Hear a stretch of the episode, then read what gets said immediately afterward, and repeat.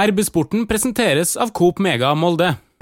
Bare for å understreke hvor troa vi har på laget, så løsner det skikkelig nå. Oi, oi, oi. Så det blir 6-0 Oi, mot eh, oi. Etter at eh, han uh, Pip har blitt utvist. Tror du hadde godt av den her Han, har spissen til Stabæk har blitt utvist. Krise i Molde. Molde-marerittet fortsetter. Alarmen går. Ny Molde-smell. Moldes krisestart fortsetter. Det er altså noen av eh, overskriftene etter eh, Molde sitt tap mot eh, Lillestrøm. Velkommen til RB-sporten. Jeg heter Martin Brøste, og jeg har raska med meg en gjeng fra kontorlandskapet her i dag. Velkommen, sportsleder i Romsdals Bustikke, Trond Hustad. Hei, hei. Velkommen, supporter og journalist Pernille Huseby. Uff, hei. Velkommen også til eh, kommentatorlegende Kalle Innbjørg. Hei, du. Og velkommen til sjefen sjøl, ansvarlig redaktør i avisa, Ole Bjørne Lo Velde. Tusen takk. Kalle, nå har du kommentert en del uh, Molde-kamper. og uh, Hvor skuffa var du etter uh, søndagen? Det blir jo egentlig å gjenta seg sjøl, det som eh, både jeg og Knut Anders eh, sa i podkast her for noen uker siden etter første serierunde. Er fortsatt etter tre serierunder, det er veldig tidlig, bare tre serierunder, men fortsatt eh, veldig overraska. Nesten litt sjokkert over at Molde har bestemt seg for å fortsette i det systemet som eh, jeg tror alle ser ikke fungerer.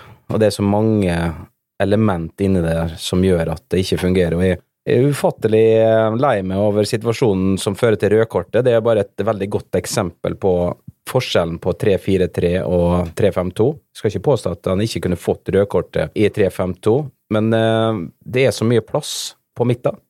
Og Magnus eh, kommer i en situasjon der han har eh, mange fisker rundt seg, og hvis han begynner å se igjen på den situasjonen der, så er det ikke så mange MFK-spillere som er i nærheten.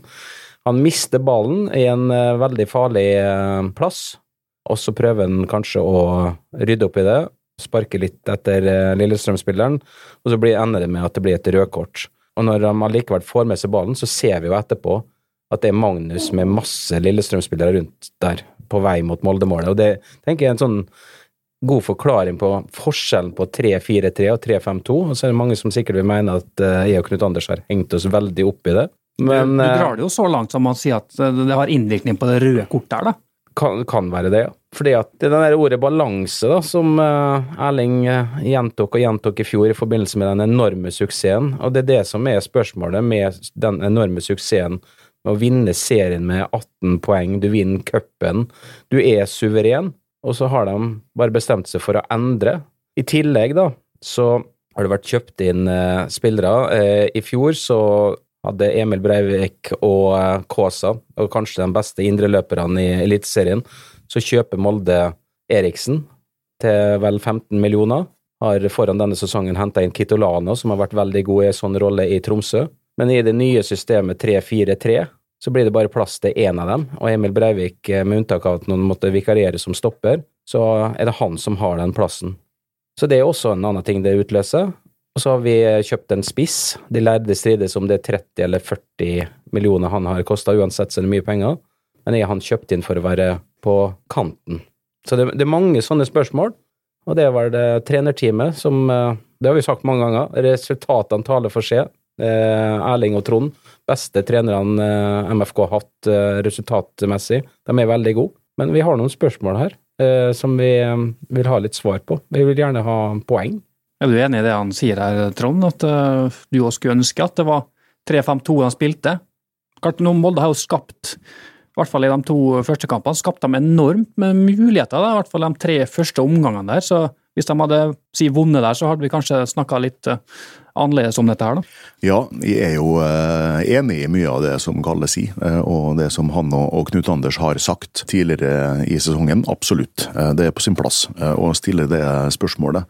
Og eh, så skal ikke jeg repetere det eh, som Kalle sier her, men jeg eh, prøver å se litt annerledes på det i eh, analysen, fordi at det har fungert offensivt spesielt lenge nok, i eh, spesielt de to første kampene, til at de bare kunne ha kløna inn et par mål til, så hadde de vunnet kampen 3-0. Og så hadde det som skjer i andre omgang, når dette her eh, defensivt ikke fungerer, aldri skjedd. Eh, så det er en måte, hvis du har lyst til å være grei. Så er ikke det eh, vi skal være, eller folk vil være på en sånn dag som dette her. For nå står de med ett av ni poeng, og det er selvfølgelig ikke holdbart i det hele tatt for Molde fotballklubb. Men det er litt greit å ta med seg den sida der, tenker jeg da. For det har fungert godt nok til at de har skapt masse sjanser store nok sjanser til å avgjøre kampene sine, og hvis de hadde gjort det, så ville folk sagt at jo da, dette systemet fungerer selv om det kan være litt sårbart defensivt, for da hadde ikke det spilt noen rolle når kampen har vært ferdig. Og så er det jo også en uh, nyanser rundt dette her, da. Alle i MFK er jo ikke enig i at de har bytta system heller. Sant? Det skal jo være 3-5-2 når de uh, forsvarer seg. Men eh, overgangen, vekslingene der, når Berisha skal som oftest ned og fungere som indreløper, det har jo ikke vært eh, optimalt. Og det er jo et annet spørsmål som vi kanskje kommer tilbake til, da, men han bruker mye energi defensivt, og er derfor ikke kanskje der han skal være offensivt. Fikk du sove i natt, Pernille? Ja, det var ikke mye, det, nei. Det var det ikke. Nei, det er helt jævlig å se på. Jeg skjønner ikke at det går an. Det er så eh, medaljens bakside som det får blitt, liksom. Eh, det er helt håpløst å sitte og se på det. Det er vondt å se på. Og jeg, jeg skjønte det i går. Jeg visste det, at dette her klarer vi ikke. Og det er liksom, det skal ikke være sånn. Det her er ikke MFK. Det er ikke oss verdig i det hele tatt. Og vi skal snakke om å få folk på kamp. Jeg er spent på hvordan det blir på søndag mot Stabæk. Stabæk er jo litt på en flyt, men vi kan godt tape der òg. Altså det, ja, tapt mot dem tidligere i år. Ja, og det orker ikke. Jeg orker ikke at det skal være sånn som det er. Og jeg tenker, det skal Magnus ha, at han gir kred til supporterne som kom, for det var mange. Og steike for en bomtur. Altså, jeg hadde kommet til å angra bittert på Jeg helt orka brukt penger på å dra og se på dritforestillinga her, altså. altså. Det fineste som skjedde eh, på kampen i går, det var banneret som Tornekrattet lagde til Tobias Svendsen. Eh, det er det eneste lille lyspunktet for min del i går. Du har jo sagt før Pernille, at du ikke er så glad i Lillestrøm, mens uh, Ole Bjørner er mer glad i sånn Åråsen og, og, Lillestrøm og fotballen der. Jeg vet du, du vurderte å ta turen?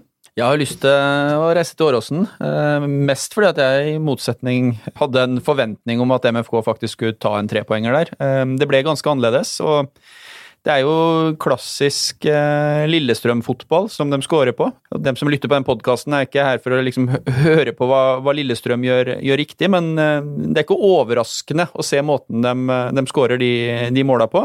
Det som kanskje er litt eh, overraskende, er hvor lett de får score dem, og spesielt at de får lov til å score det 2-1-målet så kort Eh, tid etter, eh, etter utligninga.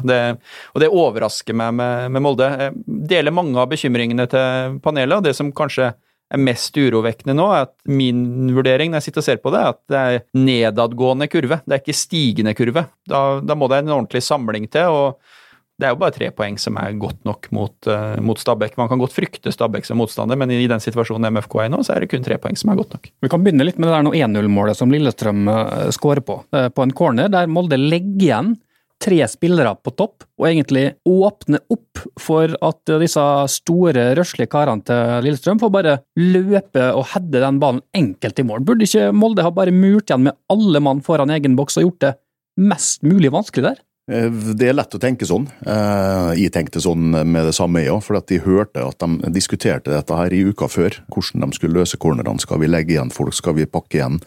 Det er andre lag som har gjort det samme mot Lillestrøm, og som har lykkes med det. Så målet her var jo selvfølgelig å, å vinne en duell og så kontre inn et mål, ikke sant.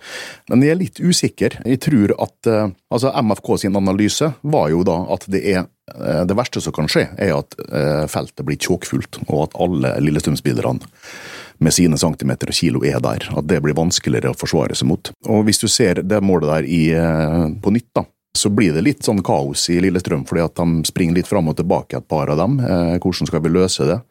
De står med fire bak med eh, MFK sine tre, faktisk rett før corneren kommer. Og med Karlstrøm da, så er MFK altså åtte mot fem inne i feltet. Så problemet, sånn jeg ser det, er egentlig at det er personlige feil som fører til dette baklengsmålet der også, som alle de andre skåringene som har vært mot de tre første kampene. Fordi at folk går ut av eh, dette her. Jeg har også vært og sett bort på stadion i dag og spurt om det, og eh, kikka på analysen. MFK-spillerne gjør ikke jobben sin. De flytter seg ut av sonene sine. De blir lurt. De springer feil vei. Og da blir det én tapt duell med Haugan som avgjør det. Men de opptrer altså ikke sånn som de skal, da, i klart overtall. Så det spørs litt hvordan en ser det. Altså, Molde får jo 1-1, og det går vel litt over ett minutt fra 1-1 fra ballen ligger i mål, til ballen ligger i mål på andre sida. Hvordan er det mulig? Det er også personlige feil og følgefeil. Det er elendig press av Erling Knutson, som er feilvendt med høyrefoten sin og ikke skjermer det innlegget i det hele tatt. Karlstrøm står på første stolpe av en eller annen grunn. Han skulle bare stått midt i målet og plukka ned den ballen med sine to meter. Eh, så det er keepertabbe også. Eh, I tillegg så er det sløvt av, eh, av Tidemann, som ikke går i kropp på målskåreren. Så hvis de skal være litt sånn djevelens advokat, som det heter på fint, da Alle kan ikke være like sur i hele denne podkasten her. Så prøver jeg da å vri dette her. Se det litt andre veien. Jeg ble mer sur jeg nå, egentlig. Etter den jo, analysa der. det som Kalle snakka om, er jo, kan du jo si, si, at det kommer av en slags systemfeil, eller et resultat av at de ikke har folk i den og den posisjonen akkurat der, der og da. Det er klart. Eh, Baklengsmåla er personlige feil. Det er ikke strukturelt. Hvorfor, hvorfor holder de på sånn? Har de mista liksom altså, Det virker som den eneste personen ute på den banen i går som virka som ville noe, det var Emil Breivik og Kristian Eriksen da han kom inn. Resten de, de, ser ut som de ikke har lyst til noe. Det ser ut som de tror at det kommer av seg sjøl. Altså Er det liksom sånn 2013 all over again her? I 2013, da vant vel Molde ja, første vant... kampen i runde ja. nummer sju. Åh, jeg orker ikke, altså. Serierunde åtte, kanskje? Var ikke hjemme mot Ålesund, da? Som kommer På onsdag 3. mai? Ja, gud bedre, altså. Det, det orker ikke. Hei sann! Her er jo Hilde fra Coop Mega Molde. Kom innom og la deg friste av den lengste ferskvaredisken i Romsdal. Velkommen til Coop Mega Molde. Men tror dere det så ut som at de sleit litt med underlaget der, med gress som var litt sleipt der. Det ble laga forferdelig mye frispark, så liksom det du absolutt skal unngå mot lag som Lillestrøm, da, som har så god dødballstyrke. Det går jo ikke an å unnskylde seg med å spille på gress, men uh, allikevel. Faktum er vel at Molde ikke har vært så veldig bra på gress uh, alltid, kanskje? Er det så stor forskjell liksom, å spille på kunstgress og gress at du liksom må gjøre helt andre ting? Det tror jeg at det er. Det er stor forskjell, ja. Det er jo ganske stor forskjell. og så er jo, For MFK så er det jo ikke noe mulighet til å spille på gress. Altså Jeg kjørte en snartur nedom KGB her om dagen og så på den lille plena som er der. Det går ikke an å slå en pasning der engang, foreløpig. Det er en forskjell, og du stiller ganske uforberedt da, på den forskjellen. Nå vet ikke jeg om de hadde noen gressøkter eh, eller har lagt opp til det dette har vi nok vært innom de disse siste årene. MFK har bestemt seg av Det er andre, andre grunner til at de har bestemt seg for at uh, de mener at det er mer fordeler med å la være å bytte underlag så mye. Så de, så de trener ikke på gress før gresskampene. Også liksom med belastning for ja. spillere, at du skal mm. unngå å veksle mellom å spille på, eller trene på gress og kunstgress. og det er medisinsk vurdering, ja. Så, um, De vant nå her i fjor, da. Altså, herregud. Men det er klart at det er stor forskjell. Og dette er heller ikke ei veldig god gressbane, sånn som det så ut på TV-skjermen for meg i år. Så selvfølgelig er det fordel. Ikke var god. Vi skal være glad. Han så jo veldig fin ut. Nei, det, så, det, var, det så glatt ut, for Molde-speederne, i hvert fall. Og den spretten og den touchen, den måten ballen oppfører seg, er selvfølgelig helt annerledes enn den gjør på ei tørr eller våt kunstgressbane. Så det er ingen unnskyldning, nei, men det eh, påvirker selvfølgelig inngangen til kampen, og det påvirker Molde-spillerne og Lillestrøm-spillerne i starten av kampen, når man ser at det ene laget er komfortabelt og det andre er litt sånn stressa og slipper ballen en meter eller to fra seg, og som du sier, lager mange frispark og skusler bort en masse overgangsmuligheter pga. at de ikke håndterer underlaget godt. De kunne ha kontra tre-fire ganger der hvis de hadde bare eh, hvis det hadde vært Baker stadion, så hadde Ola Brynildsen hatt med seg ballen eh, to ganger ja. igjennom. Klarte ikke å vinne mot Rosenborg hjemme på Aker stadion heller, da. Der Rosenborg er vant til å spille på gress, så. Sammenligna altså, de tre kampene Molde har spilt til nå, sammenlignet med i fjor. Eh, så i fjor så var det ni poeng, nå er det ett. Så du er ganske langt bak skjemaet til gull, da. Er gulltoget kjørt allerede? Det, nå er jeg sur, så nå sier jeg ja. Spør meg gjennom uh, en stund, men uh, nei, altså sånn som det ser ut nå, så ser det jo det går veldig dårlig for fotballfylket Møre og Romsdal for tida, kan du si. KBK fikk vel en opptur i helga, om ikke annet? Bra. Ja, fotballfylket er altså nå nummer 13 og 14 og 27, eller noe sånt, mm. i Norge. Så det har du rett i, Pernille. Det går ikke an å si at gullmedaljen er kjørt etter, etter tredje serierunde. Jo, det går an. Nei, det gjør ikke. Jo, det går an. Det blir ikke gull. Åtte poeng opp til Bodø-Glimt, og det ser jo ikke ut som Ja. de har tenkt å tape. Nei, de har ikke tenkt å tape, nei. Ja, Men skal vel møte Bodø-Glimt to ganger, Ja, da. men da blir det to tap. Ja, ok, ja. Nei da, jeg skal ikke være så sur. Ja, Jo, jeg er faktisk så sur nå, altså. Hadde Molde tre strake i innledninga i fjor, da? Nei, vi tapte, vi tapte hver tredje, Hadde vi? Lillestrøm. Vi hadde jo noe Lillestrøm og Viking ganske tidlig i ja, sesongen, så det er fortsatt, uh, fortsatt mulig. Hvis- hvis Men Molde- vi er jo litt uh, avhengig av uh, hjelp av Bodø-Glimt, at de eh, begynner å avgi litt poeng. Molde så jo strengt tatt bedre ut i fjor. Altså, De kampene der, og det var jo sånn drittap. Det er jo en katastrofal åpning. Det er, det er krise. For alle som ikke jobber med laget, så er dette en krise. Alle som er rundt klubben eh, kan kalle det for det, med rette. Jeg er også fryktelig skuffa over det som har eh, blitt prestert, og det som har kommet ut av prestasjonene eh, så langt. Så jeg skal prøve å være den litt positive supporteren i dag. Så er det nok sånn at hvis Molde vinner nå, hjemme mot Stabæk og Ålesund, eh, på kunstgresset sitt i løpet av fire dager, som burde være en overkommelig oppgave, så er de likt med skjema fra i fjor, tror jeg, etter fem kamper. Da, da begynner sikkert folk, da blir folk litt sånn fortsatt sur, men da kan Ja, de vant noe i hvert fall nå, da, sier vi da. Jo, men jeg tror de vil ha like mange poeng, da, hvis de tar seks nå. Og da ble det jo som kjent en ganske ok sesong. Men da vant de resten av kampene etterpå.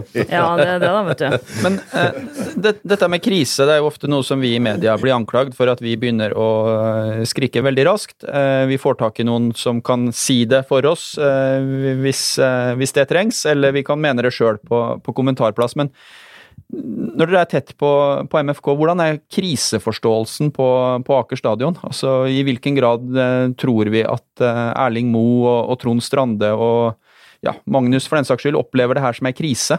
Jeg tror de forstår at eh, andre opplever det som en krise, absolutt. Men eh, de har jo vært gjennom dette her en del ganger tidligere. Har også vært i en lignende situasjon mange ganger, både som assistenter og som hovedtrenere. Og det er jo klart dem som jobber oppi dette her hver dag, og som har ansvaret for å lede eh, en gruppe da, og en klubb ut av denne her krisa, hvis vi skal kalle det for det. De kan jo ikke tillate seg å tenke sånn, selvfølgelig. For at, eh, da, da klarer du ikke å gjøre det du eh, har betalt for, som er, som er jobben din. Så de må jo eh, ja, de er helt sikkert sjølkritiske. De justerer seg kanskje, eller de vurderer om de skal gjøre endringer og sånn. Og så spørs det jo hvor sta en fotballtrener vil være. ikke sant? Når de har bestemt seg for noe, så vil de, de fleste fotballtrenere vil jo da kjøre på opplegget sitt til det funker, og vil vise at det er det beste. Men eh, nei, krise er det nok ikke der borte. Men eh, det blir jo krise også internt hvis de ikke vinner de to neste kampene. Det er jo voldsomt med marginer som også går imot, da, der alt gikk for i fjor. Hvis du ser på den Lillestrøm-kampen på Åråsen, så er det jo ganske lik den som var der i fjor, og da vant Molde. Altså, Molde har jo vært eh, egentlig eh, på høyde. Kanskje det beste laget i eh, alle tre kampene. Eh, til og med andre omgang i går så var de jo bedre enn eh, Lillestrøm, med eh, begge, begge veier på banen, med en mann mindre. Sjansestatistikken var vel i hvert fall likt i går. Kanskje en sjanse mer til Molde til slutt der. Mot Tromsø og Rosenborg så skulle de jo ha vunnet 5-0. Så ja, det er marginer. Eh, Og så hjelper ikke det noen ting nå, når du står der. Men det, som en fotballtrener alltid sier, det hadde vært mye verre for oss hvis ikke vi var best eller god eller ikke skapte sjanser. Du må score på sjansene dine, det må de slutte. Altså, at ikke det går an å lære, lære seg det. De trener og trener og trener og skyter og skyter og slår innlegg og innlegg og innlegg. At ikke du klarer å sette det, Da er vi tilbake til det som jeg kaller for det personlige feil. da. At Molde ikke har skåret to-tre mål i første omgang mot Tromsø og Rosenborg. På samme måte som det er personlige feil som har forårsaka alle baklengsmålene. Det er jo- Det er poenget mitt at selv om systemet, samme hva vi kaller formasjonen for, ikke har fungert optimalt, så er ikke det en strukturell årsak til akkurat de situasjonene som fører til mål. Du tenker ikke at den eh, som gikk i stolpen fra Breivik, hadde gått i mål hvis de hadde spilt 3-5-2? Men blir det 3-5-2 nå, da? Med Eikrem suspendert eh, mot Sabek til helga, så ligger det kanskje i korta til at eh, man endrer litt der, tror du det, Kalle? Eller skal de stå på sitt? Nei, det må du igjen spørre Erling Moe om også. Vi har vel stilt spørsmålene foran hver runde, eller uh, kanskje håpt. Uh, Nei, kanskje det blir Grødem inn i stedet for uh, Magnus Wolff Eikrem, da. For som Trond sier, at hvis MFK også mener at de spiller 3-5-2 nå, så blir det vel Grødem inn der, da, og Berisha fortsatt på den indre løperrolla, antagelig. Si litt om hva du ønsker, da. At de spiller som i fjor. Enten Berisha, Brynildsen eller Eikrem på banen, og en av dem på benken. Det var den rulleringa som Erling var jo opptatt av å gi et lite stikk til uh, dem som mente at Molde måtte hente inn en spiss i fjor, for det ordna de veldig greit. Det blei jo en suksess for MFK, så hvorfor ikke fortsette med det? Men med Eikrem i, i karantene nå, så får du nok vilja di, Kalle. Da, sannsynligvis så blir det nå en rein 3-5-2, og det skal nå overraske meg mye hvis det ikke er Christian Eriksen som nå får uh, komme inn og, og være med og springe litt. Det tipper jeg. Men uh, når det gjelder alle spørsmåla og de tingene vi vil ha svar på, så skal vi spørre mange om det, og har uh, begynt. Vi skal spørre din gode venn Knut Anders Fostervoll, vår MFK-ekspert, hvordan han ser på ståa etter de tre første kampene. Og vi skal også be Erling Mo om å forklare vurderingene til MFK. Så det er bare å følge med på RB Nett framover. Har Magnus Eikrem noen gang fått to på børsen før? Det kan jeg aldri tenke meg. Det kan ikke jeg heller, skjønner du. Og jeg satt der eh, etter kampen og tenkte at eh, det må han faktisk få denne gangen her. Jeg vet ikke om jeg har vært og gitt den tre en gang, det kan hende, men eh, som oftest så får han jo sju eller eh, åtte eller ni. Eh, Fullt fortjent. Denne mannen der. Søndag så var det slik at eh, anledninga var helt rett til å faktisk ta Norges mest magiske fotballspiller helt dit ned. Fordi at eh, han var ikke på uh, eget nivå heller fra start, synes jeg. For meg så det ikke ut som at han trivdes veldig godt på underlaget. Synes han hadde uvant mange upresise både korte og langpasninger. Begynnelsen. Et par strøkne hadde han, blant annet. Det kunne vært en målgivende på hodet til Brynildsen der òg, ganske tidlig. men Eh, han fungerte ikke heller sammen med lagkameratene sine i begynnelsen der. Og så er det klart at uansett om han er uheldig med rødkortet, så er jo konsekvensen at han i hermetegn ødelegger resten av kampen for lagkameratene sine. Og da tenkte jeg at vi måtte bare slå til og benytte anledninga til å gi han en toer. Børsteknisk eh, spørsmål der. Eh, mange år siden jeg har satt børs nå. Ett minuspoeng eller to minuspoeng på det røde kortet? Hvis du liksom tar utgangspunkt i prestasjonen fram til da, og så um, Hvor stort utslag gir en, en sånn hendelse? Jeg vil si at det gir eh, to minuspoeng.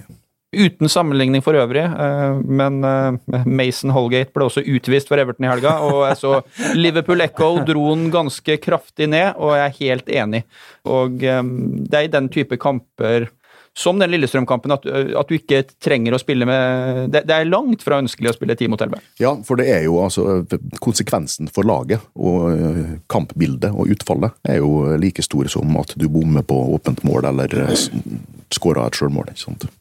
Men rødt kort for å sparke folk i trynet, det får man ikke? Ja, Det spørs hvilken arena du er på. det. Du kan gjøre det på én arena, på Lerkendal var det vel. Der ja. var det lov. Der ble ikke utvist, mens eh, han Haugesund-spilleren han ble utvist for å gjøre akkurat det samme på ei annen bane. Og dette var jo første gang at uh, vi fikk en ordentlig VAR-situasjon med, med, Molde.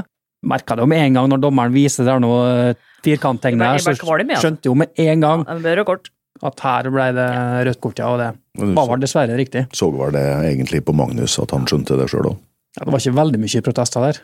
Han er jo litt uheldig, selvfølgelig, som treffer en oppå Det er ikke ei grisetakling. Det er ikke, det er ikke gjort med hensikt. Det er ikke kraft, det er ikke ondskap. Han prøver ikke å skade han, men som, som Kalle var inne på, han kjenner at han uh, får en dårlig uh, touch på ballen der, og han ser nok Gjermund Aasen i, litt sånn i sidesynet. Og så gjorde, men, uh... prøver han fortvilt å kanskje lage et lite frispark for å hindre den farlige kontringa som er i ferd med å oppstå. Så er det, tror jeg, at det er uflaks at han treffer den med strakfot, sånn som han gjør. Han sikta ikke det. Men mitt standpunkt er sikkert farga av at jeg i utgangspunktet ikke er spesielt glad i VAR, da, men det jeg ikke liker eh, med den avgjørelsen, er at det er en dommer utpå der som har satt ei linje, som følger spillet, og som åpenbart ser situasjonen.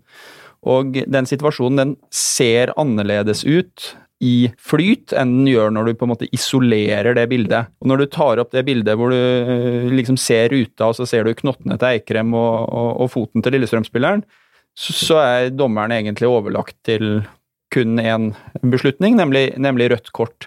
Og Jeg er usikker på om jeg syns at det er riktig. altså. Ut fra regelboka, en dommer vil alltid si at det er riktig, men jeg, jeg er usikker på om jeg vil ha det sånn. da.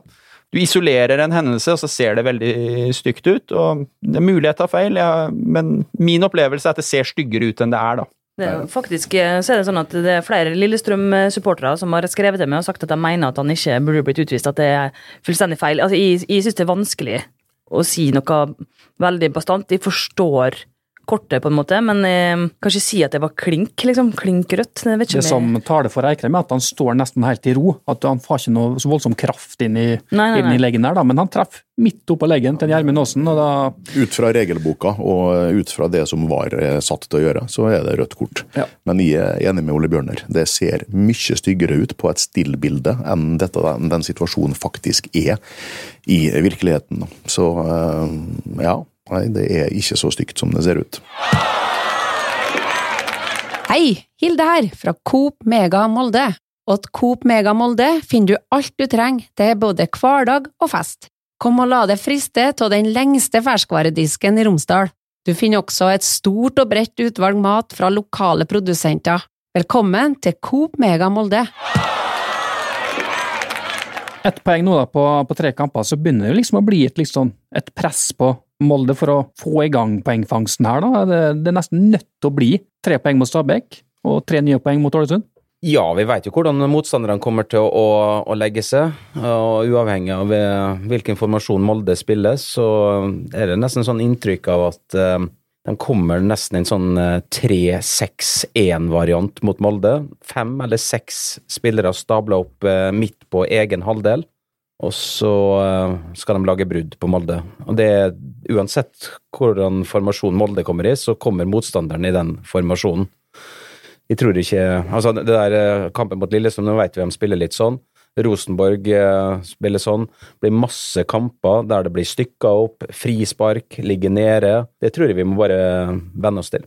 Hvordan trener man opp mot noe sånt? Altså, nå skulle vi hatt en fotballtrener her, men altså, simulerer man en sånn motstand? Er det noen som får i oppgave å være de eh, seks som ligger der i en, i en boks? Jeg, jeg har vært der noen ganger og sett at det står sånne markører, hvor jeg liksom har lurt på er, er det Lillestrøm-forsvaret som er lagt opp her? Det, lå, det var vel ja, det var en 3-6-1 det, som, som var der en gang jeg var på trening. Men i hvilken grad skal MFK på en måte trene og forberede seg på den fotballen som Stabæk og uh, Ålesund kommer til å, å, å, å, å levere Be- Begge dem to. Ja. Eh, Vi vet jo trenerne deres, så de kommer garantert sånn.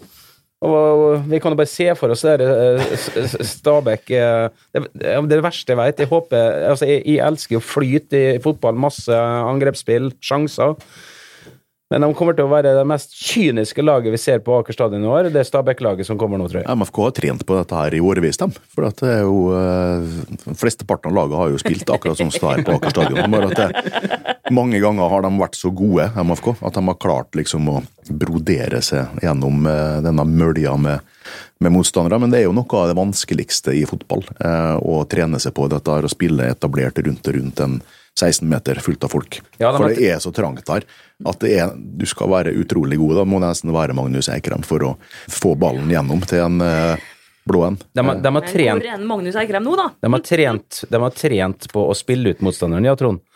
Men vi tror vi kommer til å oppleve enda flere lag som legger seg ned, som drar ut tida, eh, sånn, som vi har sett eh, ja. Europaliga-style. Ja. Men hvis, hvis alle skal gjøre det, eh, så går det jo ikke an å spille den fotballen som du og jeg har lyst på. Sånn, Da blir det ikke sånne kamper. For at nå, nå gjør Rosenborg det. Det har jo De aldri skjedd før i historien. Sant? Så hvis alle skal gjøre sånn mot Molde, så må jo Molde bare slutte med finfotballen sin, dem òg, da. Og begynne å spille likedan. Nei, Kjøpe inn helt andre spillere, og- Nei, det er, det er mulig at det Bare å hente inn eh, Gunder Bengtsson, rest in peace, men altså Nei, nei, nei. Kalle Bjørklund, da. Og så kjøpe fullt av islendinger og svensker på 1,97, og så begynne å skyte ballen fram. De sender vi til Ålesund. Men du ser jo et lag som Bodø-Glimt, da, som hadde to fantastiske sesonger. Og så i fjor så begynte jo de andre norske lagene å finne ut av hvordan du skulle stoppe Bodø-Glimt. Men nå har jo Bodø-Glimt igjen utvikla spillet sitt, så nå valser jo dem over alle igjen. Ja, valse over Ålesund, da. Du trenger ikke utvikle spillet ditt for å vinne 3-0 mot Ålesund. Nå skal ikke du Vi får se i neste uke, da, når ish. de kommer til Aker stadion. Men det kommer i hvert fall nå ei rekke med kamper for Molde der de kan, eh, og bør, Ja, jeg skal ikke sitte i noe buss åtte timer til Hamar neste helg og se at Molde taper eller spiller uavgjort igjen, det orker jeg ikke, altså. Det var så blytungt i fjor. Det var, det var så kjedelig. Jeg sånn, begynte å gjespe. Du skal nå på karaokebar, skal du ikke? Jo, det skal jeg først. Kristian Eriksen har jo kommet med anbefaling om karaokebar, så jeg får inderlig håpe at det ikke blir høydepunktet den helga. For når jeg slår løs eh, på karaoke, så er det et ganske stort høydepunkt. For, for å svare på det, Martin. Molde har kanskje tidenes beste spillergruppe. De har eh, det beste trenerteamet som klubben har hatt noen gang. Vi tror at de klarer å snu det, men tabellen lyver aldri. Men når skal Berisha begynne å score, da? Det blir jo, dette her blir jo bare verre og verre og verre desto lengre tid det tar før han setter inn et mål. Han har jo skåra mot Stabæk i år. Ja, han. men det teller ikke. Den tapte, sugde, og det er på straffe. Det teller ikke. Nå er kapteinen eh, på tribunen, så nå får eh, Berisha spille spiss. Kanskje de finner det, kanskje det er det vi kjøpte den for? Ja, det har blitt så deilig. Det har blitt kjempedeilig å få i gang Berisha og skåre mål. Vi så jo alle hvordan det var i Viking når han eh, først eh, kom i gang. Så hvis vi klarer å få til det, så blir det bra, det her. Det er jo klassisk det her. Når du betaler veldig mye penger for en fotballspiller, du begynner å snakke om 30 millioner, 40 millioner. Noen få ganger, hvis du heter Erling Haaland, så slår du liksom til fra første sekund, men veldig, veldig ofte så vil du ha en liten sånn, eh, sånn periode. Eh, Berisha har Altså det, det, det er hvordan den bruker den, da, men som Trond sier, forutsetningene for at uh, vi skal få både ett og to, kanskje til stede allerede mot Stabæk. Nå har jo dere drevet og snakka at uh, Stabæk kommer til å legge seg bakpå med alle mann osv., men de har jo to artige karer på topp der da, som kan skape litt uh, trøbbel. Vår venn Moshaga Bak hvordan definerer du det? ja, men Moshaga Bakenga, og så Ja, han, ja. knullegutten fra Danmark. Er, er det artig, nå, er det artig mann? nå må vi begynne å sensurere podkasten nå. Det er ikke mine, altså det er jo Å sitere den norske media. er ikke? Etter forrige serierunde så fikk jo han det, det kallenavnet. Nå sitter Ole Bjørner og knipser dindingene her. Nei, jeg satt og tenkte på skåringa hans i går, ja, for den er ganske fin. Ja, vi må si at det er Kasper Høeg han egentlig heter. Han, eh, vår, Den første han skårer alene med keeper i går, er fin. og da kan vi bare si, når han skårte, ja. så hadde kommentatoren for TV 2, da, som da sa at eh, Høeg penetrerte den i gålen. Vet du hva? Vet du hva? Det satt jeg og lurte på. Jeg satt og lurte på Hvorfor i alle dager bruker du et sånt begrep? Eh, og så Nå har du jo forklart litt av bakgrunnen, men det var ikke det var, Jeg er tydeligvis for fotballinteressert. Jeg tenkte på uh, skåringa, jeg. Eh, Sabla fin skåring. Men hvorfor har han fått kallenavnet? Har vi inntil på det, eller? Ja, det kan vi bruke, da får vi google. Men uh, han er jo en eh, god spiller, da, han artig karen der, dessverre. Men han er jo også et fiketryne. Ja. Han er jo for med, Det er jo sånn most punchable face i Eliteserien, potensialet her. Eh, og han skubba vel en eh, motspiller i ryggen i går òg, sånn at han eh, omtrent røyk både korsbånd og leddbånd. Og Se for deg han og Berisha. han er ufin. Han lykkes veldig godt med dette her. i Dette kan bli artig. Jeg syns han er en veldig god spiller for Stabæk. Der har eh, Stabæk gjort eh, veldig god jobb i forhold til deres eh, forutsetninger. Jeg vet ikke om jeg vil bruke ordet morsom spiller, men uh, han, er- han er en god spiller for, uh, for Stabæk og, og skaper alltid trøbbel. Du er nødt til å, nødt å bruke tid på han.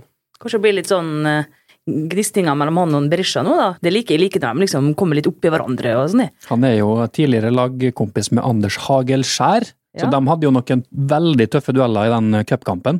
Og når han Kasper Høeg ble bytta ut, jeg var dessverre på AJ Arena og så at Molde røyk ut, da sto han Kasper Høeg Han så ikke på straffekonken, han bare stilte seg med ryggen til og så mot Molde-benken og bare slengte meldinga hele straffekonken. Det var det ingen som skjønte. det. er Og det kan ikke gjenta hva han drev og sa der, for det var Nei, Helt forferdelig fyr. Men uh, Hagelskjær var jo i podkast her hos oss og fortalte hvor hyggelig og kjekk denne her knullegutten er utafor banen. da. Så, og det må man jo kanskje også være, hvis man skal få et sånt uh, kallenavn. Ole nummer 69 på ryggen, kan vi nå bare si. Har han det? Oi, det blir jeg på- det min eh, andre podkast glad for. Den 69. mann. Og jeg tror jeg kan love at når, eh, når eh, Berisha skårer sin eh, herlige mål for Molde, det kommer til å eh, forhåpentligvis bli mange av, så, så blir det ikke det uttrykket, Ole Bjørner, når, eh, når han skårer. Da blir det mål, mål, mål. Ja, Vi holder oss til den gode gamle. Det er også en måte å si på. Angrer du på at du gjorde comeback i dag, Ole Bjørner, eller syns du at det er greit? Nei, jeg, var ikke forberedt på, på Jeg har ikke fått med meg alt utenomsportslig når det gjelder Stabæks nysigneringer, men ellers så, så syns jeg vi har snakka oss opp og relativt god, eh, god stemning tross MFKs eh, tabellposisjon, så hyggelig. Bare litt guttastemning her nå. Liten, ja. Den andre artikkelen som kommer, er jo også en tidligere Det er jo en fabelaktig, et, et fabelaktig menneske, Mushaga Bakenga. Det blir jo kjekt å få han tilbake til Molde, som dessverre ikke var helt heldig med sin periode her pga. skade og sånn. Men eh, han satt jo på TV-en når han var ung eh, Rosenborg junior og sa Jeg heter Mushaga Bakenga, og jeg liker å spille PlayStation. Eh, og sånn presenterte han seg for eh, Fantastisk. eh, norsk fotballpublikummet, og det har vår eh, tidligere nyhetsredaktør Eivind Brunvoll aldri glemt. Nei, Jeg det er bruker han å si ganske ofte. Det gjør han, vet du. Og det, det kommer han sikkert til å lire ut av seg i løpet av uka. Ja. Jeg er en trønder som er glad i Molde, og jeg hadde en fin tid der, sa han før cupkampen. Men det har han jo sagt flere ganger, at han er glad i Molde. Men- Alle er glad i Molde. De bare Bakenga liker er god kar. MFK og MFK-supporterne har blitt uh, vesentlig flinkere til å være raus mot dem man kan være raus med. Og um, når det gjelder Bakenga, syns jeg er helt uh, riktig at det er litt hyggelig prat uh, fram og tilbake. Ja, men det skal ikke være noe fiendeskap. Og som Pernille innleda med, det som skjedde på Åråsen Jeg tror uh, Tornekrattet og Molde fotballklubb skårer så mye bonuspoeng på det banneret som ble lagd for- for å støtte Tobias Svendsen. Det er ikke noe man trenger å gjøre når man drar på bortebane. Det er enormt med arbeid som ligger bak å, å gjøre noe jo, sånt. mm. Og det, jeg tror det bygger klubben på en uh, veldig positiv måte. Absolutt. Og det er jo Molde TIFO som står bak. Det er jo, de er jo tilknyttet Trollkrattet, de er jo med der. Eh, Men eh, de gjør en kjempejobb. Og ikke bare den, men den TIFOen de lagde før Rosenborg-kampen, den var jo helt fantastisk. Og i fjor lagde de mye, og det er liksom Det er skikkelig mye Det er så mye bra på gang. Og for å bruke For å videreføre den, det ordet du brukte i stad, så er det liksom De er litt født på ny, da, kan du si. Du, Veldig bra Knulegutten du tenkte på? Ja, det er jo han fødsel, da, vet du. Det er blitt et resultat. Ja. Veldig gå inn i bra det. for uh, omdømmet. Uh, veldig god reklame. Uh, kjempefint eh, initiativ og et meget eh, en, en, en velfortjent eh, hilsen til en fin gutt. Og de, jobber, de står på og jobber tidlig og seint, altså, i lokalene sine. Litt nede i gata her. Nei, de fortjener all mye all mulig heder og ære. Så jeg tror at, Og bare det at det er lov å blusse nå Vi får ikke, får ikke straff for å blusse. Det Den stemninga som var på Rosenborg-kampen, og i går også, det, det gjør så mye, altså. Jeg gikk riktignok og hosta et par dager etterpå, men det er helt verdt. Tok ekstra astmaspray. Jeg var et lite sekund i, i tvil på om eh, Karlstrøm sleit med sikten, da. Nei, det gjorde han ikke. Det, Det- det, det, så, det gjorde han ikke, altså. Det var bare TV 2 som gjorde det. TV 2 så i hvert fall ikke ordentlig, men uh, forhåpentligvis så så Karlsberg, uh, nei, Karlstrøm. Karlsberg. Karlstrøm noen ting i, uh, i røyken. Nå begynner du å komme i siget, ja. Bjørner. Det er bra.